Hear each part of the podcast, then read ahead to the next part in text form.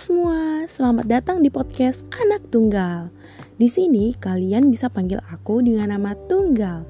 Alasan kenapa aku kasih nama podcast ini Anak Tunggal karena aku sendiri adalah anak tunggal dan aku akan ngoceh banyak di sini sendirian.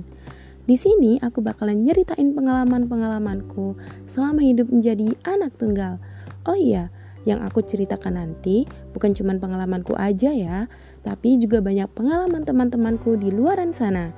Yang pasti mereka bukan cuma dari kalangan anak tunggal aja, tapi ada anak sulung, bungsu, dan anak tengah.